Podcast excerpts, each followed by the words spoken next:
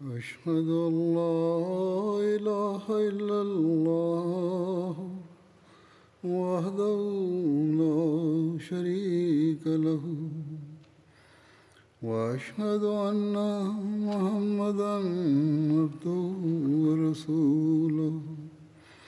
أما بعد فأعوذ بالله من الشيطان الرجيم. بسم الله الرحمن الرحيم. الحمد لله رب العالمين. الرحمن الرحيم. مالك يوم الدين. إياك نعبد وإياك نستعين. اهدنا الصراط المستقيم. صراط الذين أنعمت عليهم. غير المغضوب عليهم ولا لقد تناولت في الخطب هذه الأيام ذكر الحروب المختلفة في عهد سيدنا عمر رضي الله عنه. ومنها معركة جندي سابور.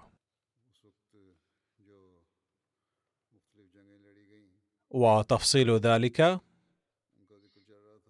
أنه لما فرغ أبو صبرة بن أبي رهم من فتح بلاد السوس خرج في جنده حتى نزل على جندي سابور. وهي مدينة من خوزستان. وأقاموا عليها يغادرونهم ويراوحونهم القتال.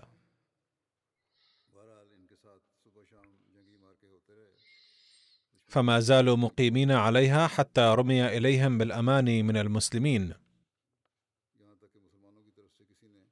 وكان الأعداء في الحصون وكانوا يغيرون عند سنوح الفرصة. فلما عرض عليهم أحد المسلمين ولم يكن من القادة وإذ أبوابها تفتح ثم خرج السرح. وفتحت الأسواق وانبث أهلها فأرسل المسلمون أن ما لكم؟ قالوا رميتم لنا بالأمان فقبلناه وأقررنا لكم بالجزية على أن تمنعونا. فقالوا ما فعلنا. فقالوا ما كذبنا. فتساءل المسلمون فيما بينهم فإذا عبد يدعى مكنفا هو الذي كتب لهم. فلما استرشد المسلمون في ذلك سيدنا عمر رضي الله عنه قال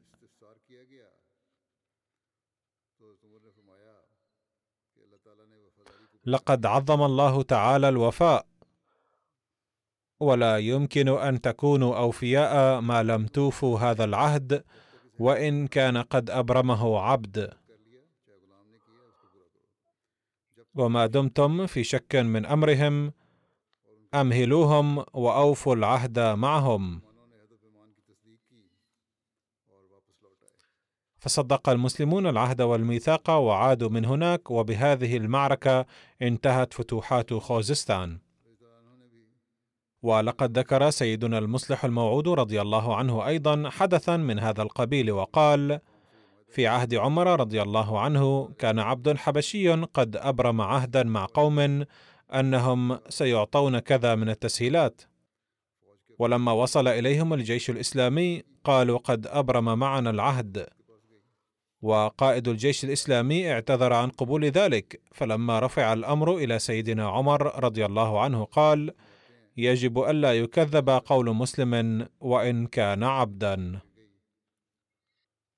فقد بين المصلح الموعود رضي الله عنه تفصيل الواقعة نفسها بكلماته فقال ذات مرة حوصر جيش العدو في زمن عمر رضي الله عنه ورأوا أنه لا منجا لهم لأن القائد المسلم كان موشكا على فتح قلعتهم بالقوة.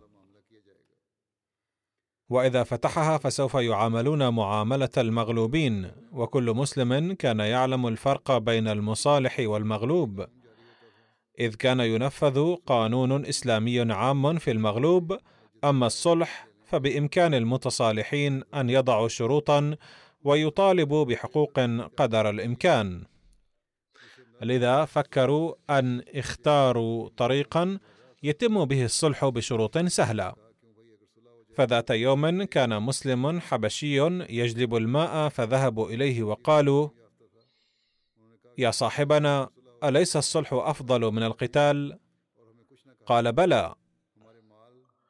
وكان الحبشي غير مثقف فقالوا له لما لا نعقد الصلح على أن نعيش في بلدنا بحرية دون أن يمسنا أحد بضرر وأن تبقى أموالنا عندنا وتبقى أموالكم عندكم قال حسنا. ففتحوا أبواب القلعة وعندما جاءهم جيش المسلمين قالوا لقد عقدت المعاهدة بينكم وبيننا. قالوا متى عقدت المعاهدة وأي مسؤول عقدها؟ قالوا لا نعلم من هو المسؤول بينكم غير أنه جاء إلى هنا شخص يجلب ماء وجرى بيننا حديث كذا وكذا.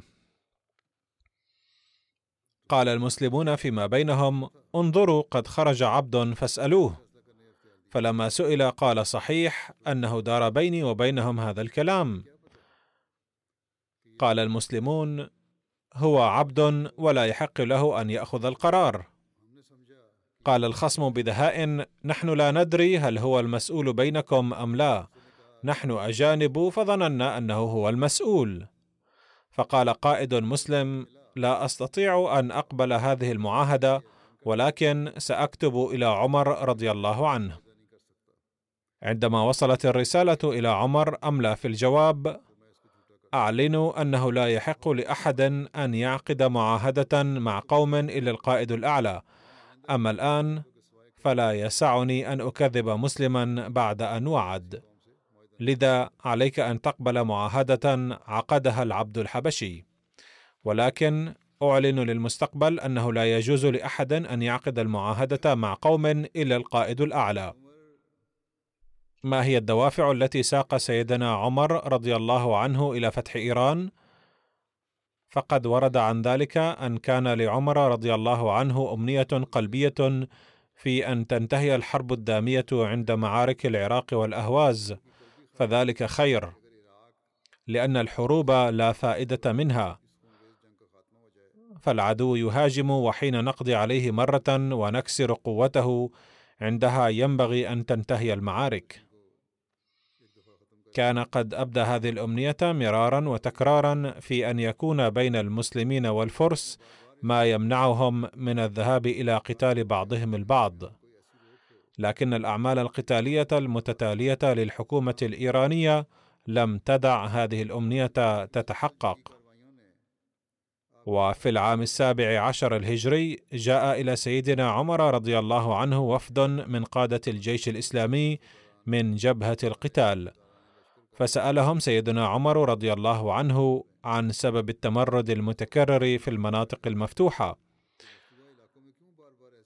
وأبدى شكا في احتمال تسبب المسلمين في المناطق المفتوحة في مضايقة السكان. ولذا ينقضون العهد. لكنهم نفوا هذا الشك قائلين إن المسلمين حسب علمنا يتصرفون بكل وفاء ويحسنون النظام. فقال لهم ما سبب هذا الفساد إذن؟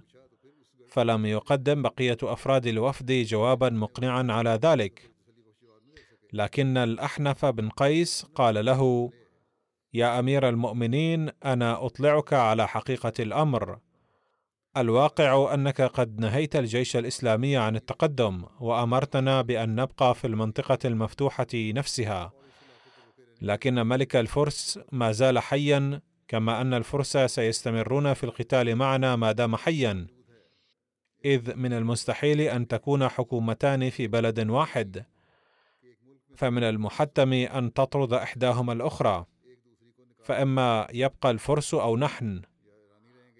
وقال أيضا أنت تعرف يا أمير المؤمنين أننا لم نبادر بالهجوم على أي بلد كما أمرتنا. بل قد فتحناه بعد أن هاجمنا العدو اولا فكنا مضطرين للدفاع إثر هجوم العدو وفتحنا البلاد. من هنا تبين بجلاء للمسلمين الذين يبررون حروب المسلمين دون ما سبب وفيه الرد على المعترضين على الإسلام أيضا أن المسلمين لم يقاتلوا لنيل الأراضي وفتح البلاد بل قد هوجموا فقاتلوا لإرساء دعائم السلام. وحصلت لهم الفتوحات. باختصار قال هذه الجيوش تأتي من قبل الملك الإيراني.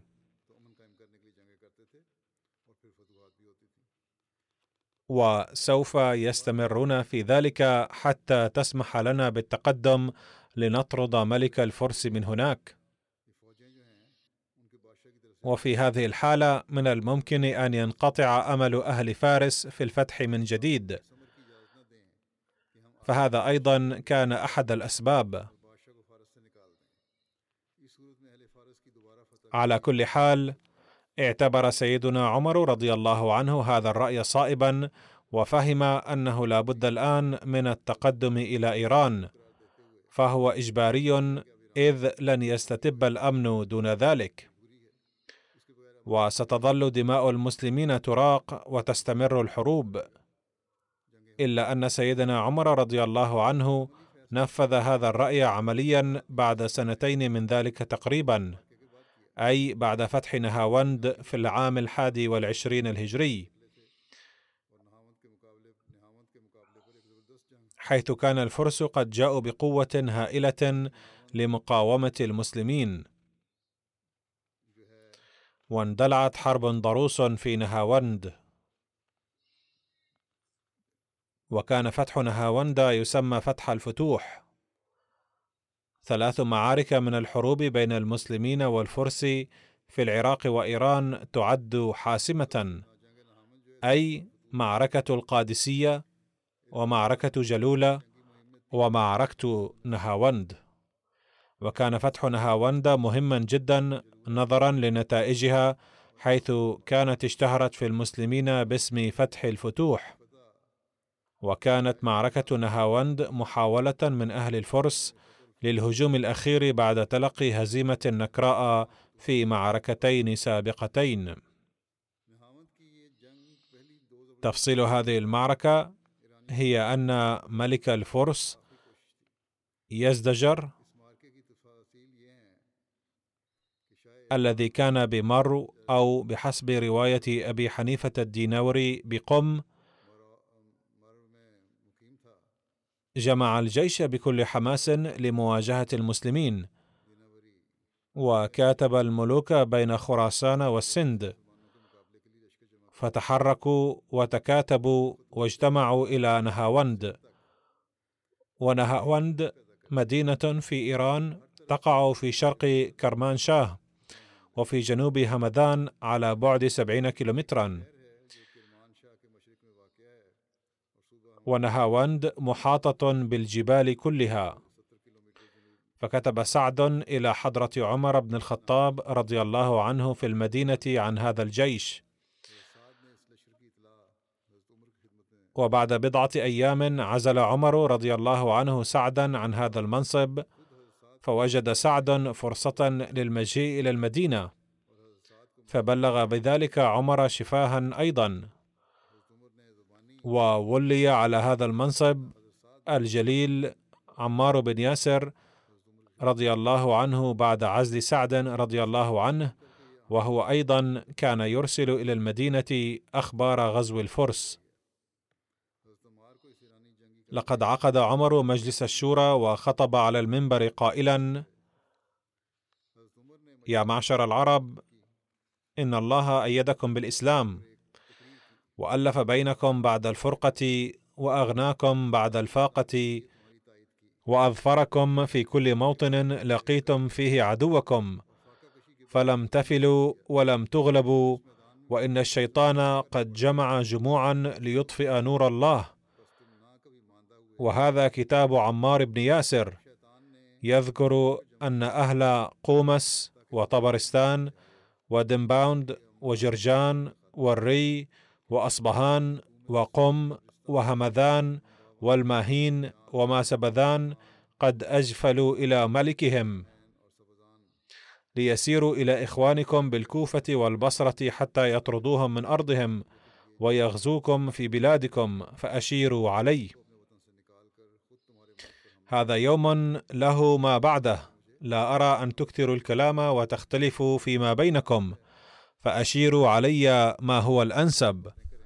هل أسير بنفسي إلى الفرس فأنزل منزلا وسطا بين البصرة والكوفة ثم أستنفر جيشي وأكون لهم ردءا حتى يفتح الله عليهم ويقضي ما أحب؟ فإن فتح الله عليهم صبيتهم في بلدانهم؟ وبعد خطبة عمر رضي الله عنه قام طلحة بن عبيد الله رضي الله عنه وقال بعد التشهد يا أمير المؤمنين قد أحكمتك الأمور وعجمتك البلابل واحتنكتك التجارب وأنت وشأنك ورأيك. لا ننبو في يديك ولا نكل عليك. إليه هذا الأمر فمرنا نطع وادعنا نجب واحملنا نركب وقدنا ننقد فإنك ولي هذا الأمر وقد بلوت وجربت واحتربت. ثم جلس الكامل في التاريخ. ولكن عمر أراد أن يستشير أكثر فقال اشيروا علي لأن هذا يوم له ما بعده. فقام عثمان بن عفان رضي الله عنه وقال يا أمير المؤمنين اكتب إلى أهل الشام فيسيروا من شامهم وإلى أهل اليمن فيسيروا من يمنهم وإلى أهل البصرة فيسيروا من بصرتهم. وسر أنت بأهل هذا الحرم حتى توافي الكوفة. وقد وافاك المسلمون من أقطار أرضهم وآفاق بلادهم. فإنك إذا فعلت ذلك قل عندك ما قد تكاثر من عدد القوم. إن هذا يوم له ما بعده من الأيام فاشهده برأيك وأعوانك ولا تغب عنه. أي يجب أن تقود بنفسك. فأحب معظم الناس رأيه وقالوا من كل ناحية صدق عثمان. فعاد عمر ولم يقبل هذا الرأي أيضا فقام علي بن أبي طالب رضي الله عنه وألقى خطبة طويلة فقال يا أمير المؤمنين إنك إن أشخصت أهل الشام من شامهم سارت الروم إلى ذراريهم وإن سيرت أهل اليمن من يمنهم خلفت الحبشة على أرضهم وإن شخصت أنت من هذا الحرم انتقضت عليك الأرض من أقطارها. حتى يكون ما تدع وراءك من العيالات أهم إليك مما قدامك. أقرر هؤلاء في أمصارهم واكتب إلى أهل البصرة فليتفرقوا ثلاث فرق فرقة في حرمهم وذراريهم وفرقة في أهل عهدهم حتى لا ينتقدوا ولتسر فرقة إلى إخوانهم بالكوفة مددا لهم. واكتب إلى أهل الكوفة أن يبقى هناك الثلث ويمشي الثلثان لمواجهة العدو وإلى أهل الشام أن يقيم منهم بشامهم الثلثان ويشخص الثلث وإلى عمان وكذلك سائر الأمصار والكور. وخروجك للحرب بنفسك ليس مناسبا لأن مكانك منهم مكان النظام من الخرز يجمعه ويمسكه فإن انحل تفرق ما فيه وذهب. ثم لم يجتمع بحذافيره ابدا. إن الأعاجم إذا رأوك عيانا قالوا هذا أمير العرب وأصلها. فكان ذلك أشد لكلبهم عليك وأشد لقتالهم. وأما ما ذكرت من مسير القوم فإن الله هو أكره لمسيرهم منك وهو أقدر على تغيير ما يكره. وأما عددهم فانا لم نكن نقاتل فيما مضى بالكثرة ولكن بالنصر والمعونة. وإن هذا الأمر لم يكن نصره ولا خذلانه لكثرة ولا قلة وإنما هو دينه الذي أظهر وجنده الذي أعز وأيده بالملائكة حتى بلغ ما بلغ. فنحن على موعد من الله والله منجز وعده وناصر جنده.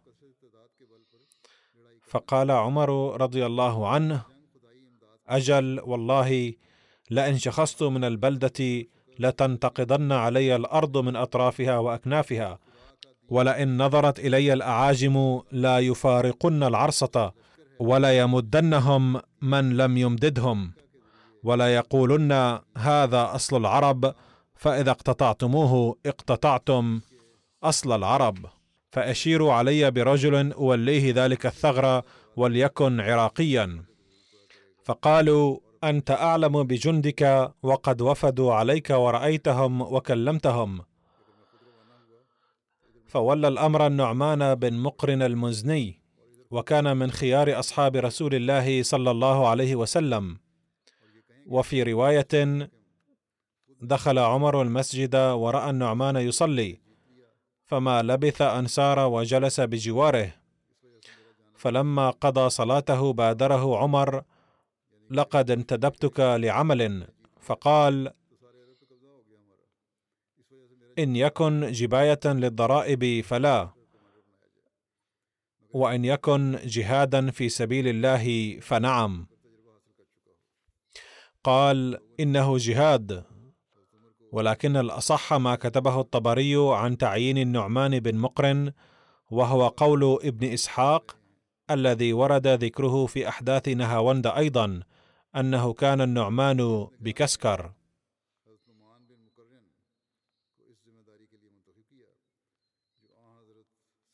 فكتب إلى عمر رضي الله عنه يخبره أن سعد بن أبي وقاص استعمله على جباية الخراج وقد أحببت الجهاد ورغبت فيه.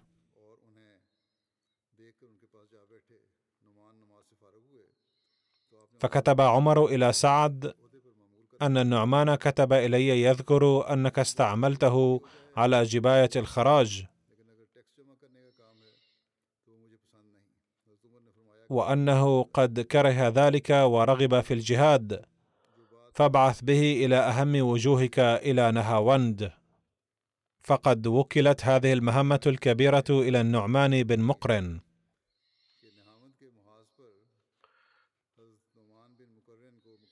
فكتب عمر لعله كان حين ذاك في الكوفة لا في المدينة. وإن رسالته أيضا تدل على أنه لم يكن في المدينة بل كان في الكوفة. فقد جاء في الرسالة إلى النعمان بن مقرن. بسم الله الرحمن الرحيم. من عبد الله عمر أمير المؤمنين إلى النعمان بن مقرن. سلام عليك.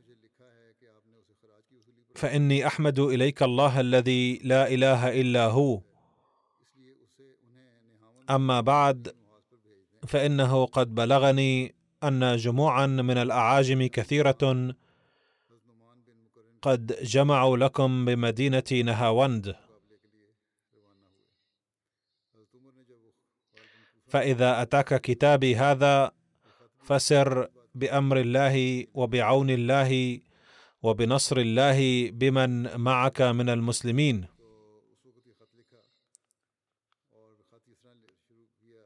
ولا توطئهم وعرا فتؤذيهم ولا تمنعهم حقهم فتكفرهم ولا تدخلنهم غيضة فإن رجلا من المسلمين أحب إلي من مئة ألف دينار. والسلام عليك. فسار النعمان إليه ومعه وجوه أصحاب النبي صلى الله عليه وسلم. منهم حذيفة بن اليمان وعبد الله بن عمر بن الخطاب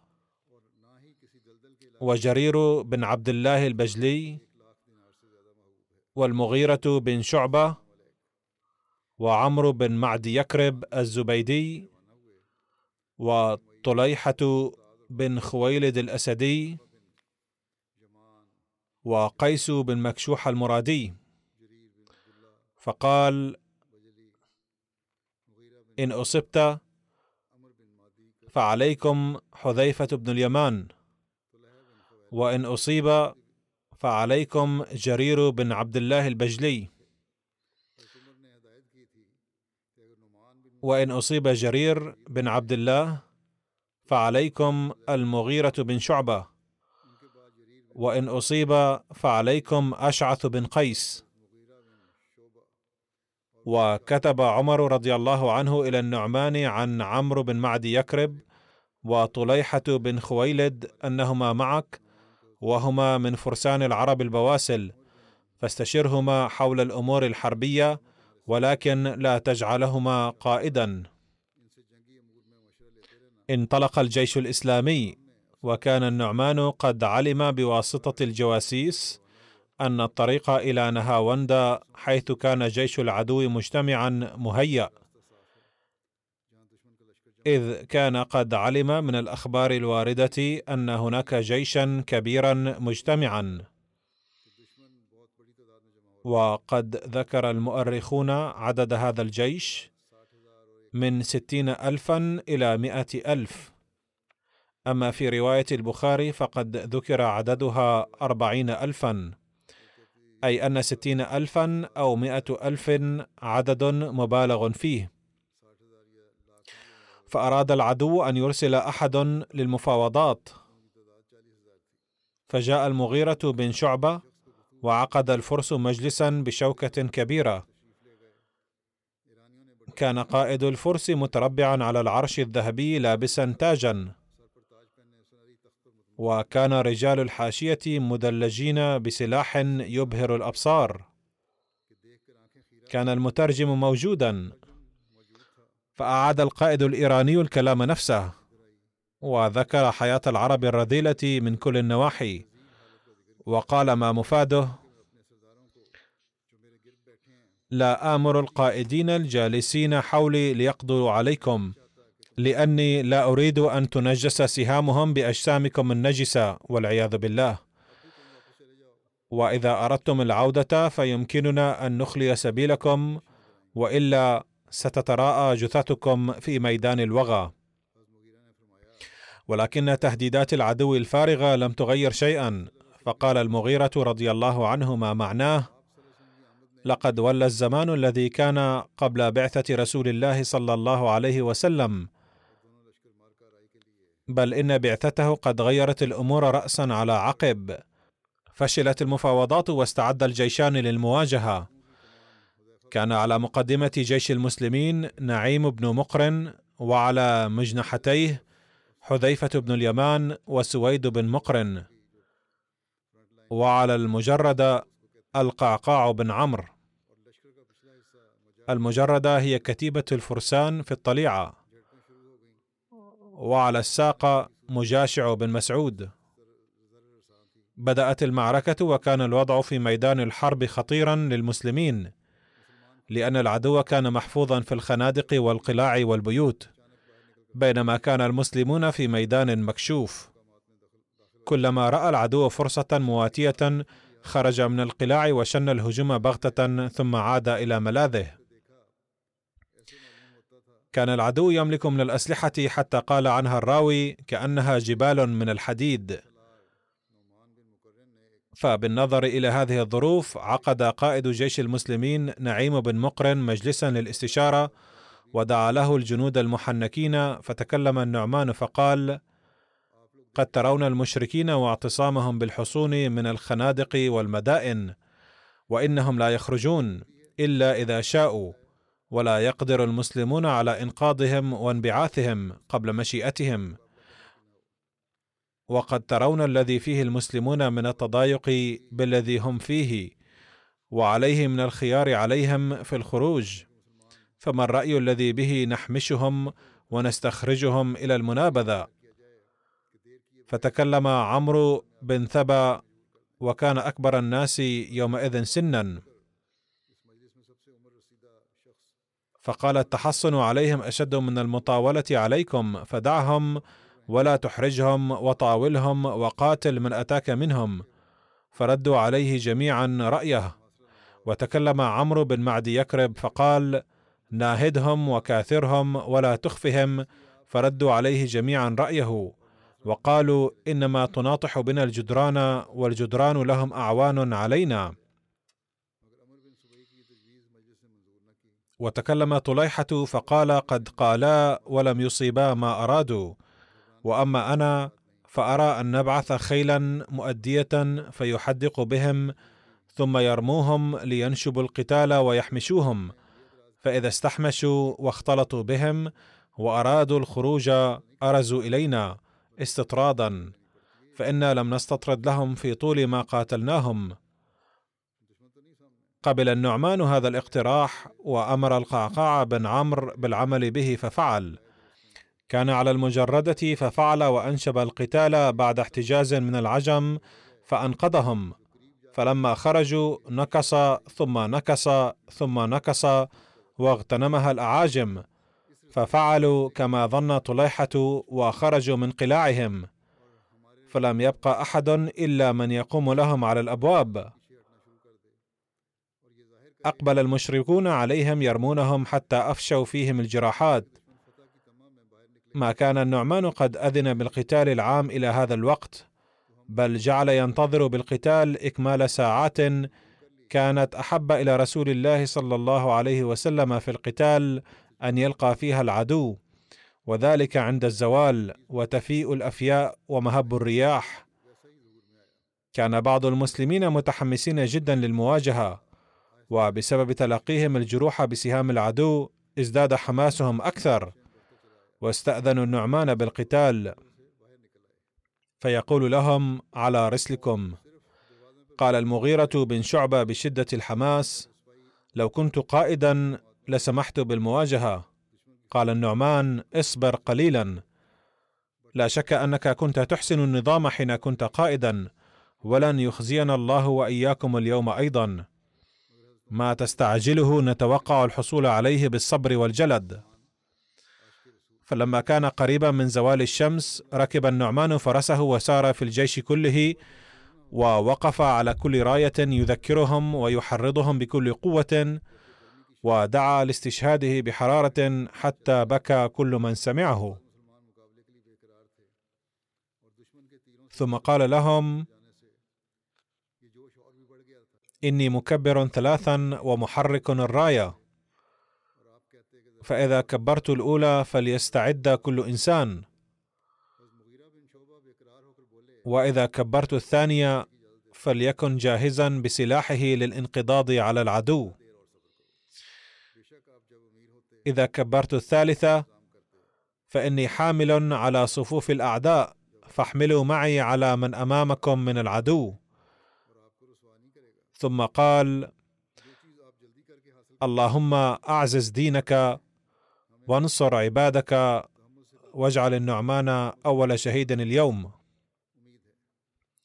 أي أن قائد الجيش المسلم دعا بهذا الدعاء. فما إن كبر النعمان الثالثة حتى انقض المسلمون على صفوف العدو. قال الراوي وقد بلغ بهم الحماس أنه لم يكن متصورا أن أحدا منهم فكر في العودة من ساحة القتال بدون الموت أو الفتح. وانقض النعمان على الأعداء بسرعة هائلة حتى كانت رايته يخيل للرائي أنها عقاب منقض على الفريسة. باختصار حمل المسلمون بسيوفهم حملة رجل واحد. ولكن صفوف العدو ظلت صامدة أمامهم وما كان يسمع إلا وقع الحديد. وبدأت خيل المسلمين تنزلق من كثرة الدماء على الأرض. وجرح النعمان في القتال وزلق به فرسه فوقع على الأرض. وكان معلما ببياض القباء والقلنسوة. فرأى أخوه نعيم بن مقرن أنه سقط من فرسه فسجاه بثوب وأخذ الراية قبل أن تقع وناولها حذيفة الذي كان خليفة للنعمان في قيادة الجيش. فجاء حذيفة بنعيم بن مقرن إلى موضع النعمان ونصب الراية هناك وكتم إصابة النعمان إلى نهاية الحرب بناء على مشورة من المغيرة. وورد في الأخبار الطوال عندما أصيب النعمان بن مقرن وسقط من فرسه حمله أخوه نعيم إلى الخيمة وارتدى لباسه واستل سيفه وركب حصانه. فظن معظم القوم أنه النعمان. وقال المؤرخ الطبري هناك مثال رائع لطاعة الأمير حتى في أحلك ظروف القتال. كان النعمان أعلن بين القوم لا يشتغلن بي أحد عن القتال ولو قتلت بل عليه أن يستمر في قتال العدو. قال معقل لما سقط النعمان ذهبت إليه ثم تذكرت ما أمرنا به فرجعت واستأنفت القتال ثانية. استمر القتال الشديد طوال النهار. فلما أظلم الليل انهزم الأعداء وانتصر المسلمون ولقي كبار قادة الفرس مصرعهم في المعركة. قال معقل بعد الفتح أتيت النعمان وفيه رمق ومعي إداوة فيها ماء فغسلت عن وجهه فقال ما اسمك وما فعل المسلمون قلت أبشرك بفتح الله ونصره. فقال قال الحمد لله اكتبوا بذلك إلى عمر. وكان سيدنا عمر رضي الله عنه ينتظر خبر الحرب على أحر من الجمر وبات الليلة في قلق وكرب ودعاء. قال الراوي كان سيدنا عمر يدعو الله تعالى بألم شديد كما تعاني المرأة آلام المخاض. فجاءه الرسول إلى المدينة ببشرى النصر فقال الحمد لله. وسأله عن النعمان فنعاه له. فأصيب عمر بصدمة شديدة ووضع يده على رأسه وبكى. ثم ذكر له الرسول أسماء الشهداء الآخرين من المسلمين الذين كان لا يعلمهم. فقال عمر باكيا لا يضرهم أن عمر لا يعلمهم فإن الله يعلمهم. وإذا كانوا غير معروفين بين المسلمين فإن الله تعالى قد أعزهم بالشهادة. وما دام الله يعلمهم فماذا عليهم إذا كان عمر لا يعلمهم؟ طارد المسلمون الأعداء إلى همذان بعد المعركة.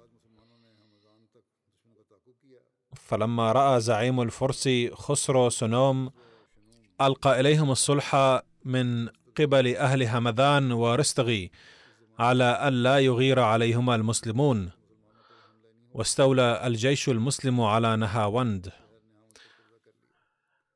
وكان فتح نهاوند هاما جدا من حيث النتائج حيث لم يتمكن الفرس بعدها من محاربة المسلمين مجتمعين.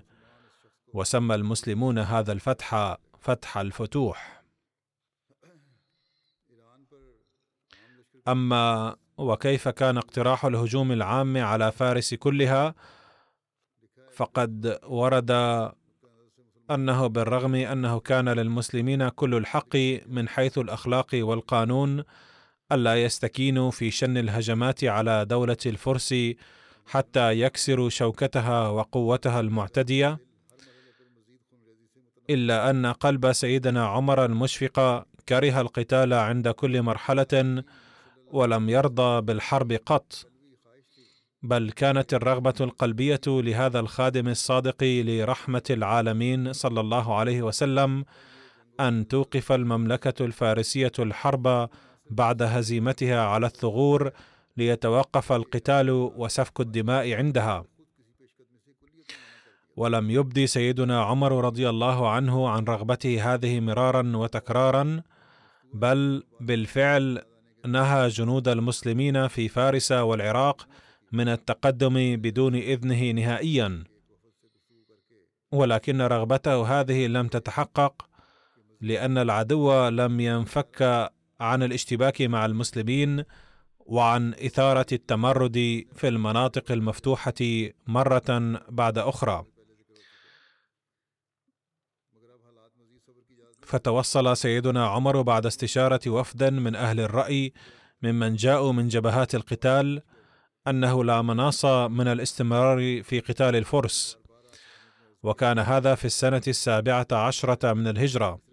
ومع ذلك امتنع سيدنا عمر مدة طويلة من أن يأذن لجيوشه بالتقدم حتى تطورت الأحداث كما مر انفا بحيث لم يبقى هناك مناص لمزيد من الصبر.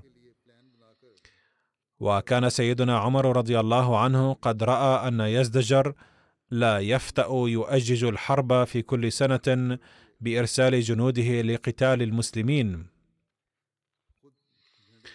فقال المسلمون لسيدنا عمر مرة بعد أخرى أن ملك الفرس لن يرتدع عن شروره ما دام في مملكته. كما كانت معركة نهاوند قد أكدت صحة هذا الرأي. ونظرا لهذه الظروف اضطر سيدنا عمر ليأذن للمسلمين بالتقدم بعد معركة نهاوند وكان هذا الإذن في السنة الحادية والعشرين من الهجرة. فأرسل عمر رضي الله عنه إلى الكوفة التي كانت بمثابة معسكر المسلمين لتحركاتهم الحربية خطة حربية لفتح الأراضي الفارسية كلها كما عين قادة للجيوش الإسلامية في مختلف المناطق وصنع لهم في المدينة رايات وأرسلها لهم. فأرسل الراية لفتح خراسان للأحنف بن قيس وراية أسخطر لعثمان بن أبي العاص وراية أردشير وسابور لمجاشع بن مسعود وراية فساحة ودار بجرد لسارية بن زنيم وراية سجستان لعاصمة بن عمرو وراية مكران لسهيل بن عدي وراية كرمان لسهيل بن عدي وراية أذربيجان لعتبة بن فرقد وبكير بن عبد الله. وأمر سيدنا عمر بالإغارة على أذربيجان من يمينها من قبل الحلوان ومن شمالها من قبل الموصل ومنح الراية لفتح أصفهان لعبد الله بن عبد الله. وقد ورد عن فتح أصفهان أوكلت مهمة فتح أصفهان لعبد الله بن عبد الله وكان في نهاوند فأرسل له سيدنا عمر أن يتوجه إلى أصفهان ويجعل عبد الله بن ورقة الريحائي على مقدمة الجيش وعلى ميمنته وميسرته عبد الله بن ورقة الأسدي وعصمة بن عبد الله فتوجه عبد الله بجنوده إلى أصفهان فتصدت له في نواحيها كتيبة فارسية تحت قيادة القائد الفارسي استندار وكان على مقدمة الجيش الفارسي قائد مسن محنك اسمه شهر بن براز جازوي. فحارب المسلمين بكتيبته ووقع قتال شديد. وبارز جازوي فقتله عبد الله بن ورقة. بعد الحرب الشديدة انهزم العدو وفر من الميدان وتصالح استندار مع عبد الله بن عبد الله ثم تقدم الجيش الإسلامي إلى جي أي أصفهان وحاصرها. فخرج حاكمها فاذوسفان يوما وقال لقائد الجيش الإسلامي عبد الله بن عبد الله لماذا نزهق أرواح الآخرين؟ وليكن في نزالنا الفيصل والغالب فيه يعد منتصرا. فقبل عبد الله هذا الاقتراح وسأله هل ستبدأ أنت أم أبدأ أنا بالهجوم؟ هجم فاذوسفان اولا وظل عبد الله صامدا دون أن يصاب بأي أذى غير أن سرج حصانه قطع بضرب العدو. فالتصق عبد الله بظهر حصانه وقال لعدوه قبل الهجوم مكانك. قال فاذسفان أنت رجل كامل وحكيم وشجاع فإنني أتصالح معك وأسلم لك المدينة. وهكذا تم الصلح وسيطر المسلمون على المدينة. يتبين من الطبري أن هذا الفتح قد تم في العام الواحد والعشرين الهجري. لقد ذكر المؤرخ البلاذري اسم عبد الله بن بديل بن ورقاء الخزاعي كقائد لهذا الجيش الإسلامي بدلا من عبد الله بن عبد الله. ولكن الطبري كتب في تاريخه أن البعض خلط بين عبد الله بن ورقاء الأسدي الذي شارك في هذه المعركة وكان قائد أحد الأجنحة وبين عبد الله بن بديل بن ورقاء مع أن عبد الله بن بديل كان صغيرا في عهد عمر ولما قتل في صفين كان عمره 24 عاما فحسب. لما فرغ المسلمون من نهاوند فتحوا همذان أيضا غير أن أهل همذان نقضوا عهدهم الذي صالحهم عليه المسلمون وأعدوا جيشا بمساعدة من أذربيجان. فكتب عمر إلى نعيم بن مقرن أن يسير إلى همذان مع اثني عشر ألفا من المسلمين ففتحها المسلمون بعد معركة شديدة. كان عمر قلقا تجاه نتيجة هذه المعركة فلما جاءه رسول نعيم بالبشرى أرسل معه عمر أمره لنعيم أن يخلف أحدا في همذان ويتقدم بنفسه إلى مدينة الري ويقيم فيها بعد هزيمة جيش العدو لأن هذه المدينة تعد مركزية في هذه المنطقة. على أي حال يستمر ذكر هذه المعارك والفتوحات التي حصلت في عهد عمر رضي الله عنه وسأتناولها لاحقا أيضا. أما الآن فأذكر بعض المرحومين وسأصلي صلاة الغائب عليهم بعد صلاة الجمعة. أولهم السيد محمد ديانتو من إندونيسيا الذي وافته المنية في 15 يوليو الفائد عن عمر يناهز 46 عاما. إنا لله وإنا إليه راجعون. تقول زوجته كان قد ولد في أسرة غير أحمدية ونشأت لديه منذ الصغر رغبة شديدة لارتياد المسجد. كان مختلفا عن بقية أقرانه إذ كان يحب البقاء في المسجد لمدة طويلة ويتعلم الإسلام ويذكر الله تعالى. وكان يقول بأن هذه الرغبة في الحقيقة كانت نعمة من الله تعالى لنيل قربه. كان قد تعرف على الأحمدية عن طريق صديق أحمدي له من القرية كان يدرس معه في الثانوية فبايع في فرع الجماعة شليدو وشيرغون فلما علم والده عن بيعته استشاط غضبا فطرده من البيت لأنه كان يظن أن ابنه قد ضل فلم يكن يفتح له باب بيته. وبالتالي كان يضطر للنوم خارج البيت. ظل الحال على هذا المنوال لفترة ثم عفى عنه والده وسمح له بالدخول في البيت. وفي عام 1997 أشار عليه بعض المسؤولين في الجماعة المحلية أن يدرس في الجامعة لأنه كان يتأهل أن يكون داعية. لأنه كان يشغف بالتبليغ منذ شبابه. على أي حال سجل في الجامعة الأحمدية وتخرج داعية في عام 2002 وعين مبشرا للمرة الأولى في فرع الجماعة بونتو. ولما كان مشغوفا بالتبليغ فكان يقصد القرى مع بعض الدعاة وبفضل الله تعالى وفق لمئات البيعات في إحدى القرى.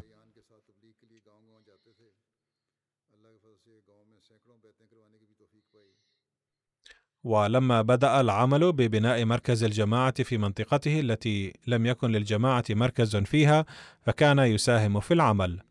تقول زوجته: أتذكر أننا كنا نسكن في بيت مأجور متواضع جدا، وكان بسيطا لدرجة لم يكن به أثاث البيت، بل لم يكن فيه إلا بطانية ووسادة وحصيرة كنا ننام عليها.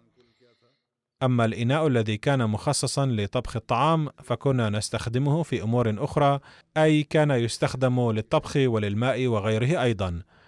ولقد زارنا يوما رئيس المبلغين السيد سيوطي عزيز وداعية الإقليم السيد سيف الليون وأصابتهم حيرة شديدة عند رؤية حالة البيت. وبعد ذلك طلب فرع الجماعة في جيني بونتو لبناء المركز هناك. وبالفعل تم إنشاء المركز. وبعد ذلك بني هناك مسجد أيضا. وكانوا قبل ذلك يصلون في مسجد واحد مشترك بينهم وبين المسلمين غير الأحمديين.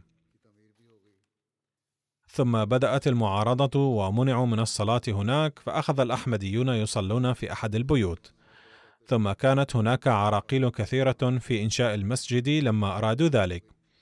حيث رفض البناؤون العمل وهدد مختار القرية بأنه لن يسمح بذلك. رغم كل هذه العراقيل لم يترك المرحوم الأمر بل ظل يسعى لإنشاء المسجد بعزيمة قوية لدرجة إن غاب العمال أحيانا فكان يأتي بالخدام والأطفال وينجز الأعمال بالعمل التطوعي. وكان الأطفال غير الأحمديين الذين كان على علاقة جيدة معهم أيضا يشاركون في العمل التطوعي. وهكذا في نهاية المطاف تم إنشاء المسجد هناك.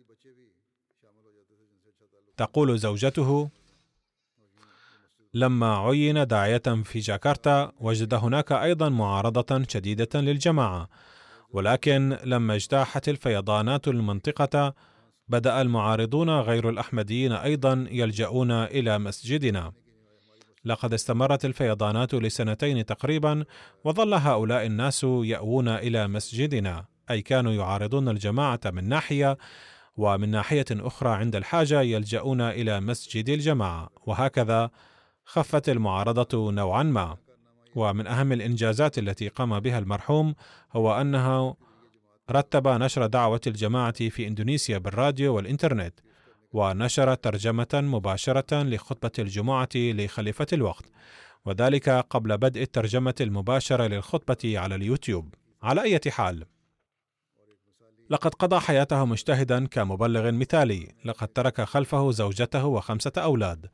غفر له الله تعالى ورحمه ورفع درجاته ووفق أولاده لمواصلة حسناته التي كان يقوم بها. الجنازة الثانية هي لصاحب زادة فرحان لطيف من شيكاغو أمريكا الذي توفي في الفترة الأخيرة. إنا لله وإنا إليه راجعون. كان المرحوم ابن حفيد صاحب زادة عبد اللطيف الشهيد. كان المرحوم عضوا نشيطا في فرع الجماعة بشيكاغو. كان مستعدا للمساعدة والخدمة في كل حين وآن. كان دائم الابتسامة على ثغره ومن خصاله المميزة أنه كان يسبق الناس في إلقاء السلام عليهم. إذا كان هناك أي عمل في المسجد صغيرا كان أم كبيرا فكان يلبي الدعوة إليه ويكون في الطليعة للخدمة. كان يخدم في جماعة شيكاغو بصفته محاسبا وكان يؤدي واجبه بكل جدارة. كان منضما إلى نظام الوصية. ترك خلفه ثلاثة أولاد صغار والوالدين العجوزين. كان قد توفي عن عمر يناهز خمسا وأربعين عاما. غفر له الله ورحمه وجعل أولاده مرتبطين بالجماعة. الجنازة التالية هي لسيد ملك مبشر أحمد من لاهور الذي توفي في 21 نوفمبر. وقد مضت فترة طويلة على وفاته ولم أصلي عليه صلاة الغائب والآن كتب ابنه وطلب ذلك. كان المرحوم ابن الصحابي للمسيح الموعود عليه السلام ومفسر القرآن مولانا غلام فريد رضي الله عنه.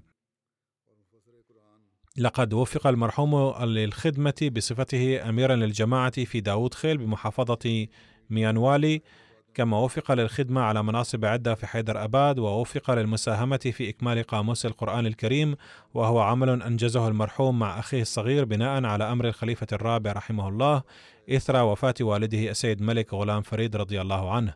غفر له الله تعالى ورحمه وكما قلت سأصلي عليهم جميعا صلاة الغائب بعد صلاة الجمعة.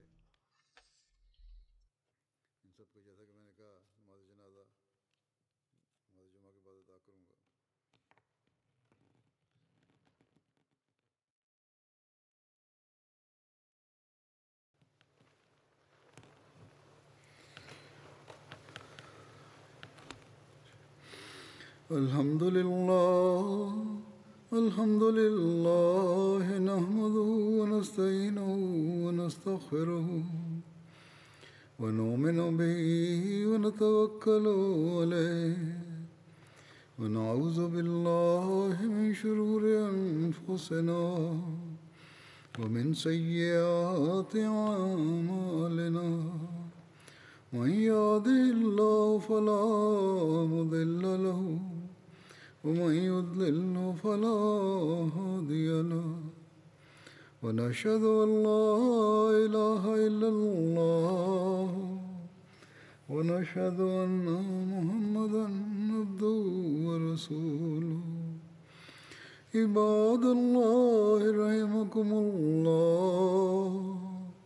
إن الله يأمر بالعدل واللسان وإيتاء ذي القربى وينهى عن الفحشاء والمنكر والبغي يعظكم لعلكم تذكرون. اذكروا الله يذكركم وادعوه يستجب يستجب لكم. ولذكر الله أكبر